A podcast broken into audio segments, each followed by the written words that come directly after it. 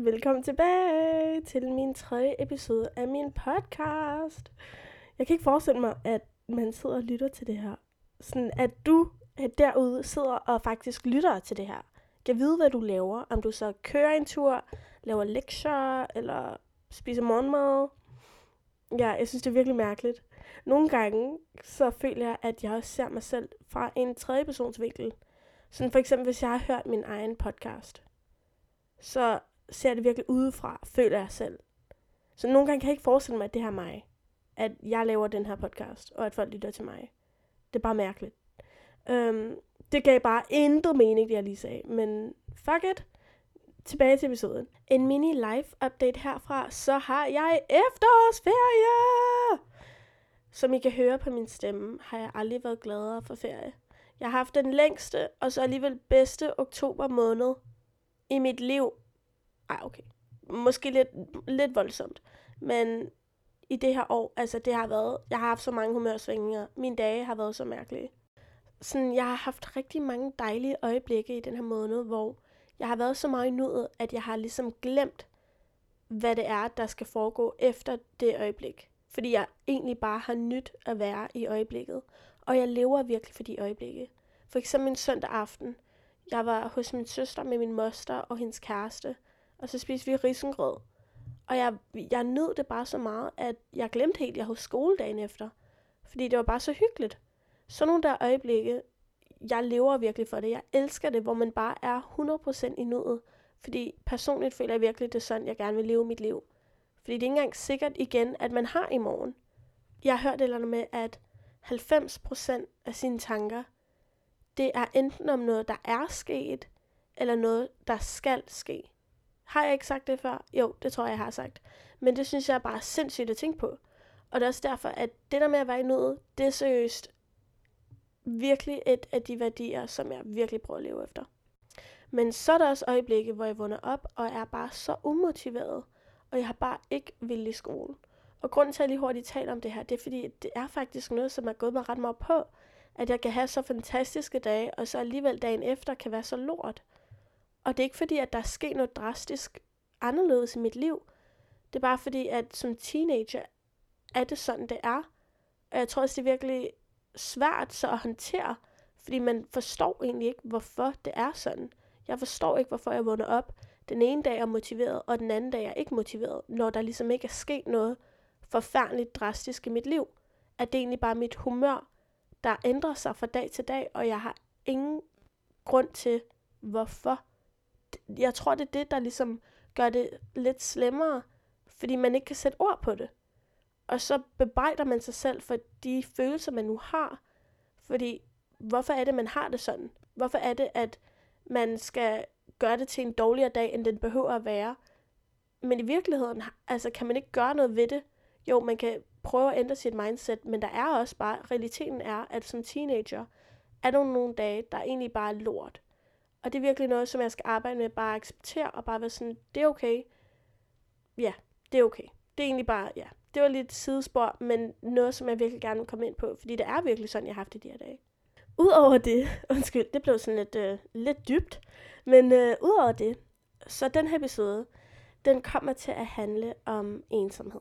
Så jeg synes, det er meget mærkeligt. Fordi hele mit liv, så har jeg oplevet at føle mig ensom, både når jeg har været alene, men også når jeg har været sammen med folk. Og øhm, ja, det, det, det tror jeg ikke er så overraskende, fordi det er jeg ret sikker på, at vi alle sammen har oplevet. Så det vil jeg ikke komme så meget i dybde med.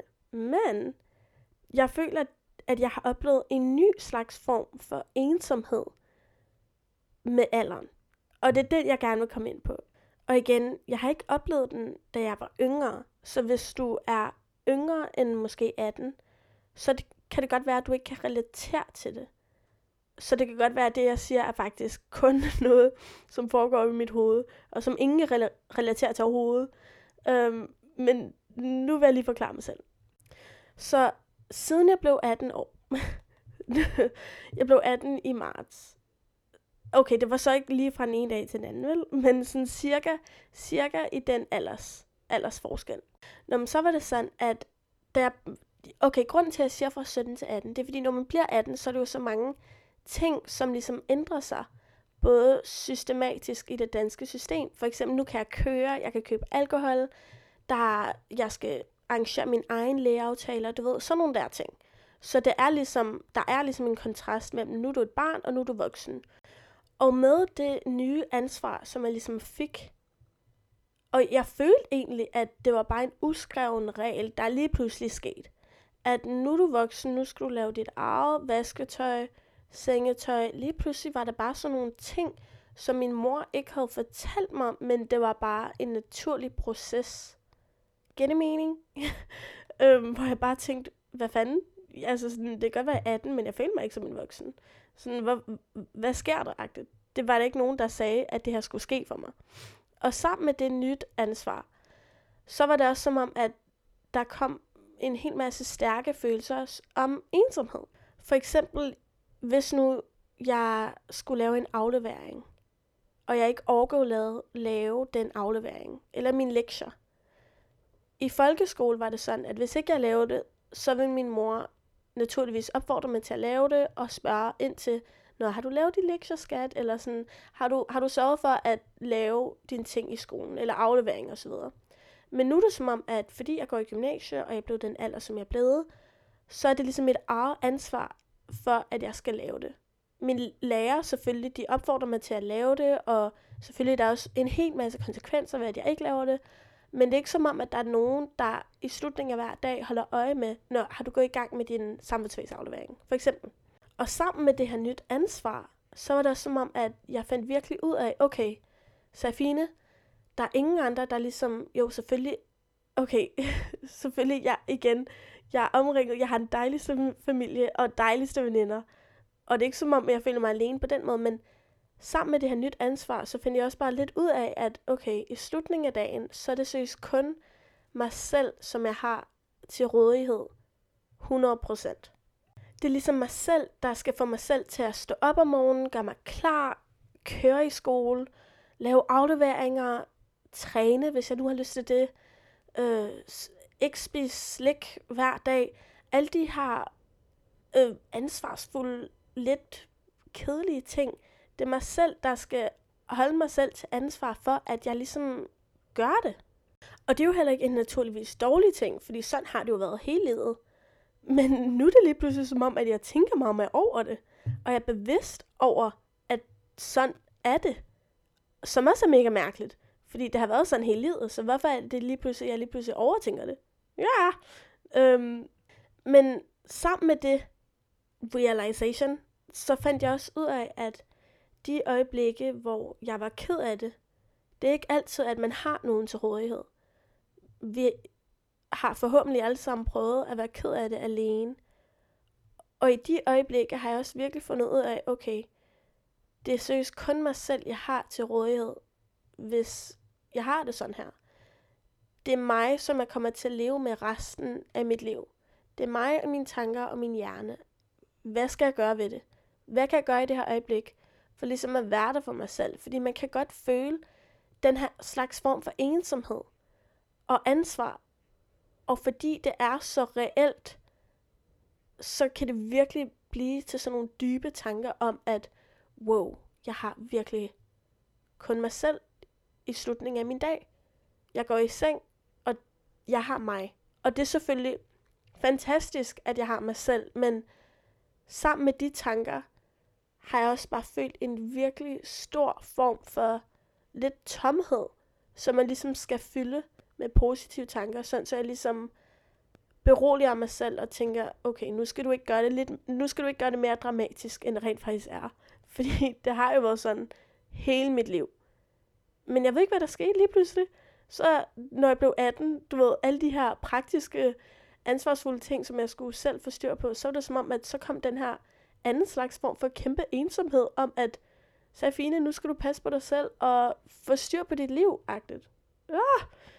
Ja, det lød lidt grænseoverskridende, og det er ikke, hvis ikke du er 18, det er ikke sikkert, du kommer til at opleve det her overhovedet. Jeg er også typen, der har, der kan godt dramatisere mine egne tanker. Um, men ja, det var bare en slags form for ensomhed, som jeg lige vil nævne. Og jeg, altså, jeg har aldrig hørt nogen tale om det før. Men jeg nævner det for mine veninder hele tiden, at overvej i slutningen af en dag, er det kun en selv, man har. Øhm, hvor det bare sådan lidt, okay, Sabine. Men ja. Okay, jeg, sag, jeg ved godt, jeg sagde, at jeg ikke vil komme ind på det, men den anden slags form for ensomhed, man også kan opleve, som jeg tror er relevant for alle, det er den ensomhed, man har, når man er sammen med andre mennesker. Og det, jeg tænker om den slags ensomhed, det er, jeg, sætter, jeg stiller spørgsmålstegn ved, om det rent faktisk er ens egen skyld eller andres skyld. Jeg tror, det kommer an på situationen, selvfølgelig. Fordi folk kan også godt bare være onde og gerne vil have, at man føler sig udenfor. Men jeg har også oplevet mange gange med mine veninder, hvor jeg føler mig udenfor for ingen grund. Jeg er en del af selskabet. De holder af mig, jeg holder af dem. Det er et fantastisk venskab, og så alligevel føler man sig ensom. Man føler sig ikke en del af selskabet, man føler sig udenfor. Det lød meget folkeskoleagtigt, fordi jeg følte virkelig, det var i folkeskolen, man følte sig udenfor. Men det er bare sådan, det er agtigt. Men, og man kan, nogle gange kan man seriøst ikke gøre for det. Og det er en mærkelig følelse, fordi er det, er det ens egen skyld, og hvad kan man så gøre ved det? Men i sådan nogle situationer, så har jeg oplevet, at det ofte, man kan, ikke, man kan ikke gøre noget ved det selv. Fordi det er bare, det er en følelse, man har, og nogen, man kan ikke gøre for ens følelser nogle gange. Uanset om de er rigtige eller ej, det er bare en følelse, man har. Og så tror jeg, det er vigtigt, at det, der hjælper mig i hvert fald, det er bare at sige til de her personer, det kan også bare være en enkelt veninde, eller en gruppe veninder, så bare sige til en, i hvert fald en person af gruppen, og bare nævne, hey, jeg ved ikke lige, hvad der sker, men jeg føler mig lidt udenfor lige nu. Og jeg ved godt, jeg har ingen grund til det, men jeg vil bare lige dele det. Fordi om jeg har en grund til det eller ej, så vil jeg gerne lige anerkende, altså, at jeg har det sådan her. Og det er ingen skyld, at jeg har det sådan her overhovedet, tværtimod. Men nogle gange kan det også bare være rart at sætte ord på sine følelser og ligesom dele det med andre. Så det har jeg i hvert fald oplevet, det hjælper mig. Og jeg ved godt, det er mega grænseoverskridende at være så... Øhm, ja, altså ikke at udstille sig selv på den måde, men at sige det højt. Fordi det er jo ikke en rar følelse. Det kan, være, det kan også være svært at dele med folk. Især med sine tætte veninder. Eller en gruppe veninder. Det kan være mega svært. Fordi hvad skal de svare til det? Men når det så er sagt, så har det virkelig hjulpet mig hver gang, jeg har gjort det. De få gange, jeg har så oplevet det. Fordi jeg føler også, med alderen, så går det mere væk. Men ja, det vil jeg i hvert fald opfordre til at gøre. Det, det har i hvert fald hjulpet mig. Men som sagt, jeg ved ikke, det kan godt være, det er anderledes fra venindegruppe til venindegruppe. Fordi hvis man har nogle lorte veninder, så ved jeg faktisk ikke rigtig, hvordan de så kan finde på at tage imod det, den kommentar. Fordi det kan også gøre det endnu værre, hvis de så ikke ændrer noget ved det. Hvis de bare sådan, nå okay, fedt, eller et eller andet. Øhm, men ja. Og den sidste slags form for ensomhed, det tror jeg egentlig også bare er, når man egentlig bare er alene. Og den skiller sig lidt, den, den er lidt anderledes personligt for mig, end den første slags ensomhed, jeg talte om. Fordi det handlede meget om det der med at blive voksen, og hele det der mindset om, at man har meget ansvar lige pludselig. Men den anden slags ensomhed, hvor man egentlig bare er alene og føler sig ensom, den synes jeg egentlig også er lidt mærkelig. Fordi, hvordan kan det være, at der er nogle tidspunkter, man er alene, hvor man føler sig ensom, og så er der også andre tidspunkter, hvor man er alene, og så tænker slet ikke over det, og man har det mega sjovt. Hvordan kan det være, at man er sammen med den samme person, altså en selv, og så alligevel kan man opfatte situationen på to forskellige måder? Giver det mening? Men det der i hvert fald, og jeg ved godt, det, det er nok den usunde måde, jeg gør, så jeg ikke føler mig ensom. Men nogle gange så hjælper det. Og selvfølgelig, der er jo forskellige ting, der hjælper i forskellige øjeblikke. Men nogle gange, hvis jeg ligger i min seng, eller okay, forstå mig ret, nogle gange kan man godt være lidt bange om aftenen, hvis der er en creepy lyd eller et eller andet, eller hvis man er alene hjemme. Men hvis jeg ligger alene hjemme i min seng og alene, og jeg er bange, øhm, så det, der i hvert fald har hjulpet mig, det har faktisk været sociale medier. Og jeg vil også gerne komme ind på en episode med sociale medier, fordi det her er seriøst et græn ud af hele min personlige holdning til sociale medier. Men når det så er sagt, så føler jeg faktisk, at sociale medier kan hjælpe med den ensomhed. Nogle gange i det, at så kan man facetime en person, man kan snap med en person, man kan skrive med nogle veninder om en eller anden hyggelig plan, man vil aftale med dem. Sociale medier kan faktisk virkelig godt være en positiv ting, hvis man bruger det på en rigtig måde. Især hvis man føler sig ensom, selvom man nu skulle tro det modsatte. Det, det har i hvert fald hjulpet mig nogle gange. Og en anden ting er, at jeg tror også, det handler om, at man skal ligesom med vilje prøve at bruge tid med sig selv alene og udforske, hvordan det nu er. Fordi hvis man altid er afhængig af at være sammen med andre mennesker, og generelt altid omringet af andre mennesker, så det tror jeg også kan være lidt usundt nogle gange. Og jeg tror også, det er derfor, at man bevidst skal være sådan, okay, nu bruger jeg den her dag alene, og jeg vil bevidst prøve ikke at lave en aftale med en veninde eller et eller andet.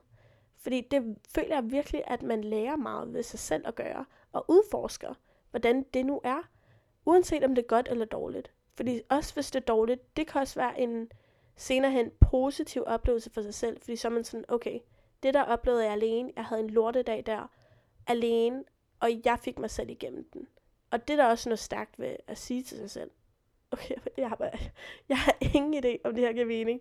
Jeg føler virkelig, I får sådan et stykke af min hjerne, og jeg har bare ingen idé, om det giver mening. For eksempel, hvis nu man gerne vil udforske, okay, nu bruger jeg den her dag alene. Øhm, så vil jeg råde dig til at lave noget, for eksempel noget praktisk, hvor tiden generelt bare går hurtigt. For eksempel kan det være lektier, eller generelt ting, hvor du bliver i bedre humør af det. Lav lektier, se en hyggelig film, bland selv slik. For eksempel noget, som jeg virkelig gerne vil prøve, det er at tage på restaurant alene. Fordi hvorfor er det, at man kun skal nyde lækkert mad på sin yndlingsrestaurant? Selvfølgelig, jeg forstår godt, at man gerne vil dele det med andre mennesker. Oplevelsen af det.